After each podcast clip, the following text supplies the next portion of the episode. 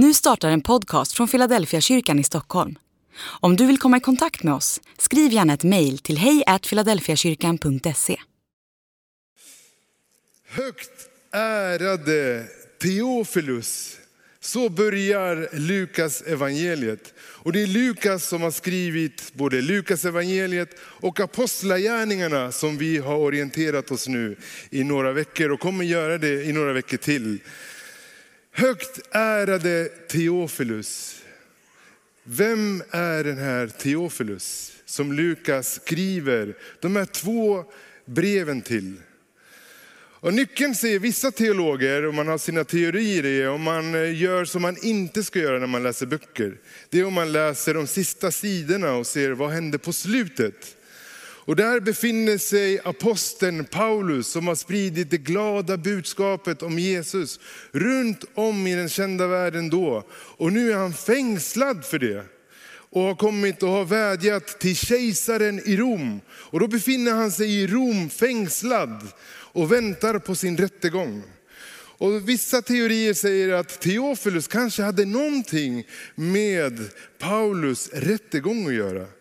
Så om vi säger att trumsetet här borta handlar om rättegången, så börjar Lukas evangeliet här någonstans med att, hej högt ärade Teofilus. Vi kan läsa Lukas evangeliet kapitel 1 och 1. Många har redan sökt att ge en samlad skildring av de stora händelser som ägt rum mitt ibland oss. Så som det har berättats för oss av dem som först, i första stund var ögonvittnen och ordet, blev ordets tjänare.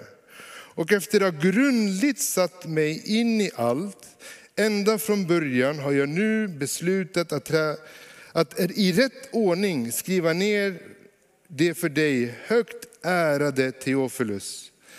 För att du ska, ska förstå att de upplysningar du har fått är tillförlitliga. Högt ärade Teofilus. Teofilus som betyder Theo, Gud, Dios, Theo. Och filio, vän. Alltså Guds vän heter den här mannen då. Jag brukar få ett samtal av en grekisk vän som brukar ringa mig och då säger han Yasu fille. Och det betyder hej vännen. För filio är då att man är en vän, en Guds vän är det här mannens namn. Och så börjar han liksom som en utredning. Han var själv inte med Jesus och vi vet inte om Lukas träffade Jesus någon gång. Men han börjar liksom som en CSI-agent att objektivt här ska börja intervjua lärjungarna och se till om att allt som man har hört, förmodligen så hade han Matteus evangeliet och Markus evangeliet till hands och liksom ville liksom orientera sig i vad som har hänt kring den här personen Jesus. Men när du börjar läsa så börjar du inse att Lukas inte alls är så objektivt. Utan det låter som att han har någonting att berätta. Om man tar Matteus till exempel, så sänder han sitt, sitt evangelium, sitt glada budskap till det judiska folket. Han är ganska judisk i sin sätt. Man kan se det på hans släkttavla från Jesus. Den sträcker sig till Abraham som var judarnas fader. Vet man inte vilken stam man är från när man är jude, då säger man jag är Abrahams barn. För det var där allting började. Om man ser på Lukas eh, stamtavla, den sträcker sig fram till Adam, människan. Och det är liksom det temat som, som eh, Lukas verkar ha, både genom Lukas evangeliet och apostlagärningarna. Det handlar om människor. Vart de än befinner sig, oavsett vilken social status de har, oavsett om de har gått rätt väg eller om de är helt vilsna, så handlar det om människor som vill göra ett möte med Jesus. De första som får möta Jesus i krubban, det är ett par fåraherdar enligt Lukas evangeliet. Och fåraherdar, de fick inte vara med på en rättegång för deras vittnesmål, den räknades inte. Helt fel yrke. De hade en längtan att få möta Jesus och de fick möta Jesus. Det är liksom romerska ockupanter som får möta officer som får en längtan att få möta Jesus. Och det får de. Det är människor av det judiska folket som har valt helt fel yrke och belastar folket med skatter och liksom, ja, fifflar med deras inkomster. De har hamnat helt fel, publikaner och tulldrivare. De har en längtan att få möta Jesus och det får de. Det verkar som att det inte handlar om vart du kommer ifrån. Det handlar om att du är människa. En människa som längtar efter ett möte med Jesus. Och den längtan blir tillfredsställd. Oavsett om du har varit helt fel yrke, oavsett om du har, fel social status, etnicitet, vart du än har kommit, man, kvinna, om du är ung eller gammal, det spelar ingen roll. Du får möte, ett möte med Jesus. Det är Lukas hälsning. Det andra Lukas vill säga till, som inte är så objektiv utan har någonting att säga, det har någonting med det här tomrummet människor bär på. Han pratar om den helige anden. Redan i de första kapitlen så är det tre, fyra personer som får möta den heliga anden. Elisabet blir fylld av den heliga ande.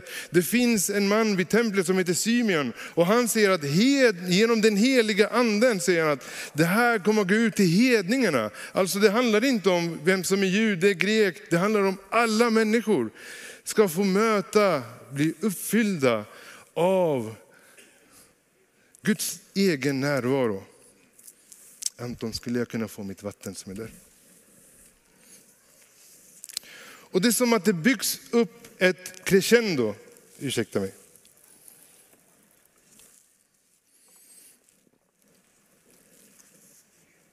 Det är som att det byggs upp ett crescendo genom hela Lukas evangeliet att snart kommer någonting. Människor längtar efter någonting. Det finns en tomhet hos människor som Gud kommer att adressera. Som Gud kommer att fylla.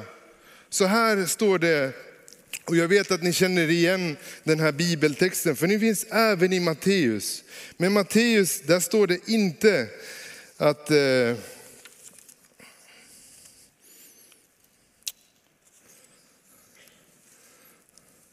Finns det någon far bland er som ger sin son en orm när han ber om en fisk, en känd bön, eller en känd bibeltext? Eller ger honom en skorpion när han ber om ett ägg?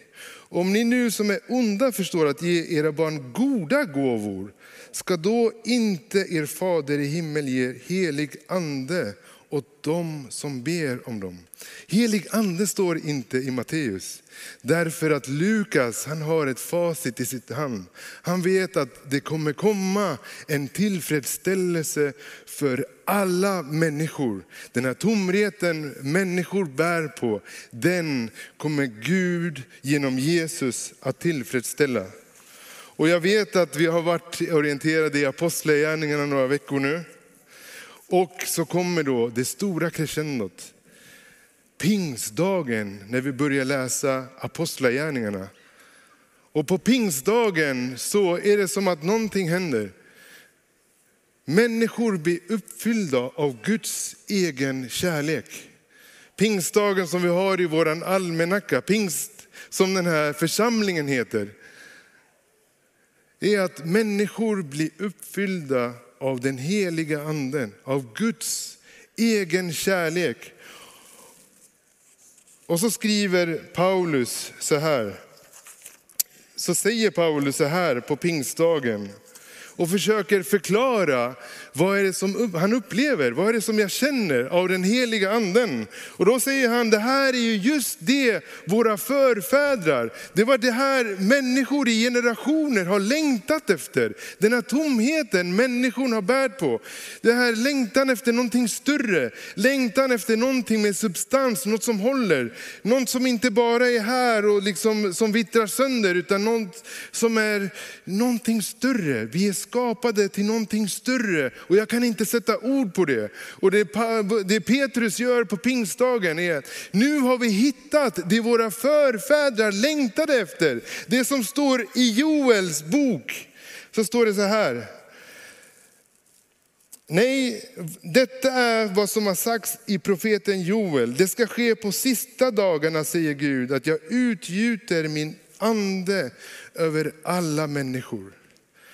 Att vi ska få uppleva Guds kärlek och det gäller alla människor.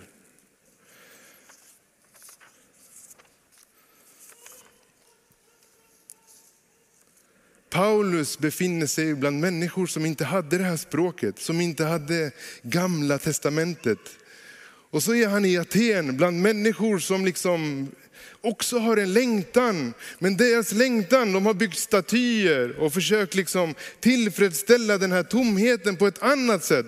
Att de tillber stenar och liksom, hur ska vi hitta till det här och hur ska vi liksom tillfredsställa den här tomheten vi känner. Hur kan vi tillfredsställa det här att jag känner att jag tillhör en högre makt men jag, jag, jag kan inte liksom sätta ord på det. Och då kommer Paulus till orda i Areopagen och säger, och han använder deras språk. Jag ser att ni är noga med andliga ting, säger han. Och så har han hittat en Gud som han inte har ett namn på. Och så säger han till dem så här, han är inte långt borta från någon av oss. Till honom lever vi, rör oss och är till. Så också av några era egna skalder har sagt, vi har vårt ursprung i honom.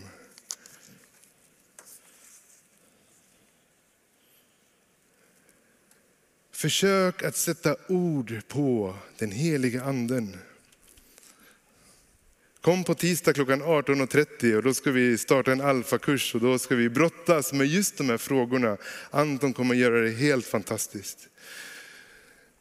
Jag vet att en alfaledare Fredrik Arva sa en gång, det jag gillar med Philadelphia kyrkan, det är att ni inte pratar kyrkiska. Det är att man förstår vad ni pratar om när ni är här. Och vi försöker sätta ord på saker som liksom är, är hundratals år gamla och tusentals år gamla och försöker göra dem vardagliga så att vi kan ta del av det i vår vardag. Men så finns det vissa saker som är jättesvåra att förklara. Som det här med helige ande. Någonting som ibland är ganska ologiskt. Hur ska vi liksom greppa det här stora som händer på pingstdagen? Hur kan man förklara? Och det är ungefär som att försöka förklara kärlek till någon fanns en man som heter, eller finns en man som heter Gary Chapman och har skrivit Kärlekens språk. Och det är ett jättebra så. Jag brukar rekommendera den här boken till människor som, ska, som jag ska viga och så. Att försöka orientera sig kring kärlek. Men det är inte förrän du har upplevt kärlek som du får den hela bilden av vad kärlek är.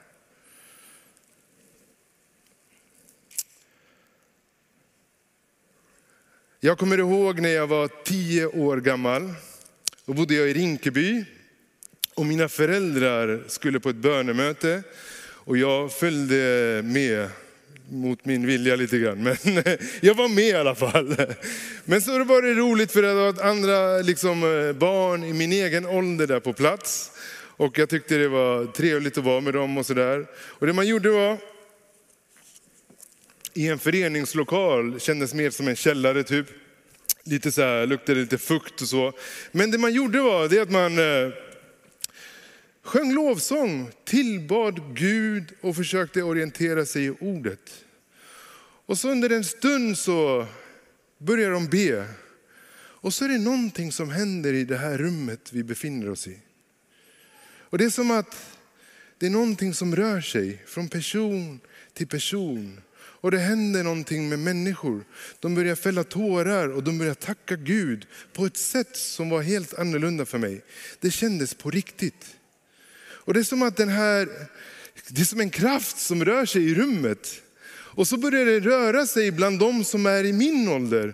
Och jag börjar tänka, vad händer nu? De här är ju en av oss. De här ska inte bli sådana här som de vuxna är. Och så händer någonting med mig också.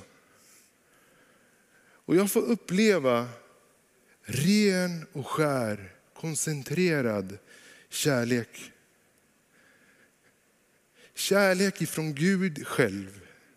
Att jag får känna mig älskad på ett sätt som jag aldrig har känt mig älskad förut. Jag kommer från ett fantastiskt hem med föräldrar som älskar mig, men det här var någonting helt annat. Och jag kände att det här, jag vet inte om jag hade en så stor tomhet inom mig då, men det kändes som att jag var uppfylld av någonting. Och jag kände att jag hade kommit hem.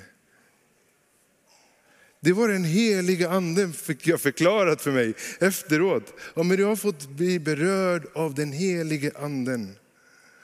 Och det som hände när jag fick uppleva det här, det övertygade mig om att Gud fanns. Jag vet att Gud finns. Jag vet att hans kärlek tillhör mig.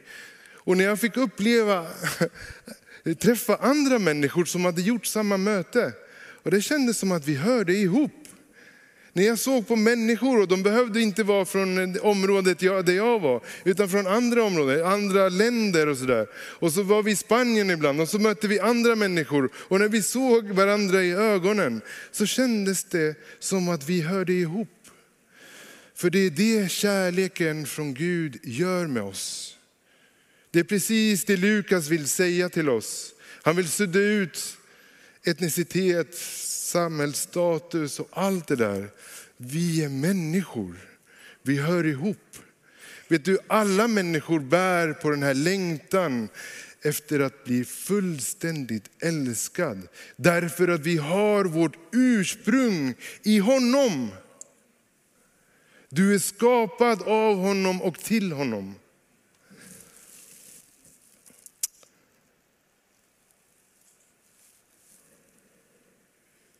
Det är när vi får den här kärleken som den svämmar över lite grann.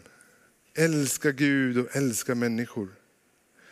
Det är när vi blir berörda av Guds heliga ande som vi börjar se att det är inte deras barn i förorterna, utan det är våra barn i förorterna. Jag kommer ihåg när Niklas, du gick upp här och sa, de här grabbarna är i mina mina pojkars ålder som skjuter ihjäl varandra. Det är mina barn som skjuter ihjäl varandra i förorterna. Det händer någonting, det suddas ut gränser. Det är inte de, det är inte vi, utan vi är människor allihopa. Och det gör som att vi börja bry oss om varandra. Kärleken är inte logisk. Utan kärleken från Gud, den överskrider logiska gränser. Den överskrider allt som du kan tänka dig, därför det finns en kraft som kan bryta och den kärleken, det tänker jag, det är därför vi heter pingstkyrka. Inte för någonting annat. Därför att vi tror på den kraften som vi inte riktigt kan förklara, men som vi har fått uppleva. Vi har fått den som en gåva ifrån Gud. Vi har fått uppleva sann, ren och skär kärlek. Och det vill vi förmedla vidare.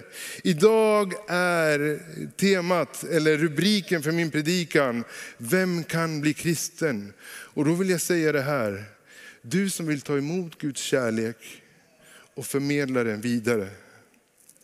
Att förmedla den vidare kommer inte bli en effort. Det kommer inte bli en, en tung grej, därför att det är en konsekvens av Guds kärlek. Att faktiskt få ett utflöde, att faktiskt älska andra människor. När du inser att Gud, den store som är uppe i molnen, jag vet inte vad det är för bild av Gud. Men den här storheten som har skapat hela världen, som vi upplever i naturen, som vi upplever om det är något större här. Han brydde sig om en tioårig pojke i en källare full av mögel. Och så ville han fylla honom med sin kärlek.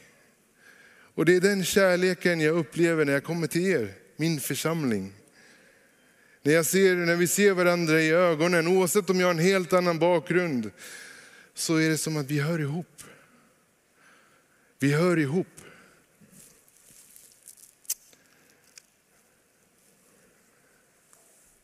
Jag eh, hade en vigsel igår och då blev jag kallad för präst. Och det har jag ibland känt lite sådär, pastor är okej, men präst, det känns lite sådär, inte riktigt jag.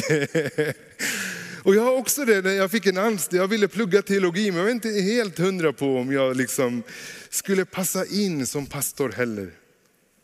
Men så fick jag förklarat för mig vad det innebar att vara präst i Bibeln.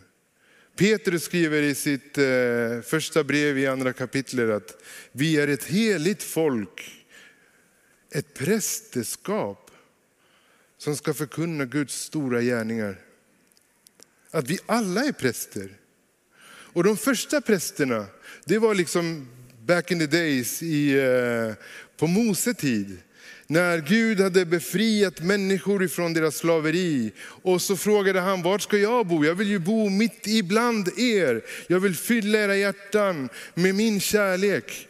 Och så skulle det finnas människor som skulle förmedla det här. Och då sa de, men vi tar väl Arons söner. Det var inget märkvärdigt med dem. Men det som var märkvärdigt med dem, det var att deras första uppgift, det var att de skulle vara i templet. Där Guds närvaro var i sju dagar. Och efter sju dagar skulle de komma ut och förmedla Guds kärlek. Det de fick uppleva av Gud skulle de förmedla vidare. Den kärleken de fick uppleva, den skulle de förmedla vidare till andra människor. Den nåden de hade fått uppleva, den skulle de förmedla vidare till andra människor. Och det tänkte jag, det kan jag väl göra. Den kärleken jag har fått, den kan jag förmedla vidare till andra människor. Och även om jag slutar en anställning nu så tänker jag fortsätta förmedla Guds kärlek vidare. För det är vårt uppdrag tillsammans. Vi som har fått uppleva Guds kärlek och för detta för människor att de är älskade, högt älskade av Gud.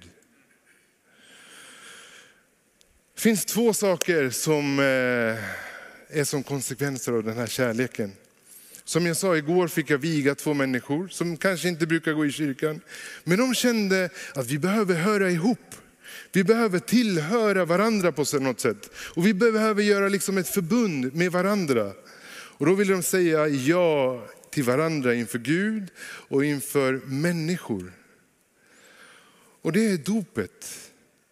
När vi får döpa oss till Kristus, det är vårt sätt att säga ja till Jesus. Det är som att säga, men från och med nu är det du och jag, Jesus.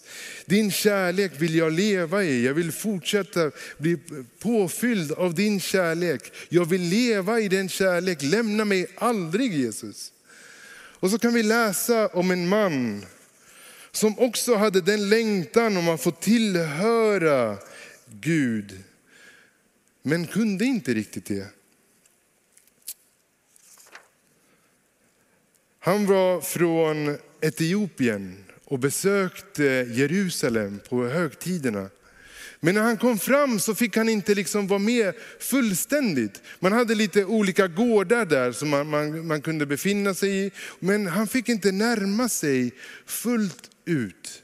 Han fick inte komma därför att han hade ett handikapp. Han var en nyck. Någon hade gjort ett ingrepp på honom när han var liten så att han, det, det klassificerade honom som, ja, men han fick inte vara med längst in.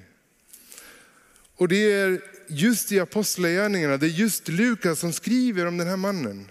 Att han var på väg hem från Jerusalem och så läser han ifrån gamla testamentet. Och så läser han om att människor var vilsna. Och så står det att Filippos fick springa efter hans vagn. Jag kan bara tänka mig hur det såg ut. Han sprang och så skulle han lyssna på vad han läste. Och så bjuder den här etiopiska hovmannen honom in till, till, eh, till sin vagn. Och så försöker han få det här förklarat för sig.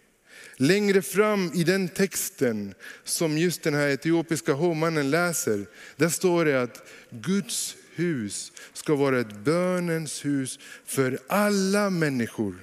Precis som Lukas vill säga med sitt evangelium och med sitt. Och så kan vi läsa så här. Filippos tog till orda och med det skriftstället som utgångspunkt förkunnade han budskapet om Jesus för honom. När det färdades fram kom det till ett ställe med vatten och hovmannen sa, här finns det vatten. Finns det någonting som hindrar mig att bli döpt? Han lät stanna vagnen och de båda, Filippos och hovmannen, steg ner i vattnet och Filippos döpte honom. Inkluderat direkt. Vem får vara kristen? Vad är det att vara kristen? Det är du som vill ta emot Guds kärlek och förmedla den vidare. Filippos fick höra av den heliga ande att det fanns en man som inte kände sig inkluderad. Och det skulle han få göra. Han skulle få bli döpt och han skulle få vara inkluderad i Kristus familj. En annan sak som jag brukar skicka med till dem som jag viger, det är att ni gång på gång med jämna mellanrum behöver skaffa barnvakt och boka in en tid för en dejt. Ni behöver sätta er och äta en måltid. Och så skickar jag med de här två frågorna. Vad drömmer du om just nu? Säg det till din respektive. Och så vill jag att du säger en annan fråga också. Vad oroar dig just nu? Prata om livet, dela livet. Och är det två saker i det kristna livet så är det dopet och så ska vi fira nattvard nu. Och det är som att Gud vill höra de två frågorna. Han bryr sig om dig, han älskar dig. Vad drömmer du om just nu? Är det att bli påfylld av Guds heliga ande, av Guds kärlek? Är det att du vill ha vägledning nu? Vad drömmer du om just nu? Är det att få frid i dina omständigheter? Vad oroar dig just nu? Men kom till bordet som Gud serverar. Och ta fram det du bär på i ditt hjärta. Därför att han vill fylla på med sin kärlek. Så mycket att du kan få förmedla den vidare till andra människor. Högt ärade Teofilus. Teologerna säger att det kan ha vara en man som hade någonting med rättegång att göra. Men jag kan inte hjälpa att känna i mitt hjärta när jag läser Apostlagärningarna och när jag läser Lukas evangeliet. Att det handlar om dig som vill bli Guds vän. Theofilio. Du som söker att bli Guds vän oavsett vad du har för etnicitet. Oavsett vad du har för bakgrund. Oavsett, det handlar om att vara människa. Att känna den här tomheten. Att ibland känna sig vilsen. Och det Lukas vill säga till oss och det Jesus själv vill säga till dig. Hos mig har du plats. Hos mig har du ditt ursprung. Jag kan fylla ditt hjärta med det Josef inte fullt ut kan förklara. Men när du har fått uppleva det, då kommer du förstå. Då kommer du känna dig älskad och då kommer du få vara Guds vän. Vem får vara kristen? Och det är den som vill ta emot Guds kärlek och förmedla den vidare.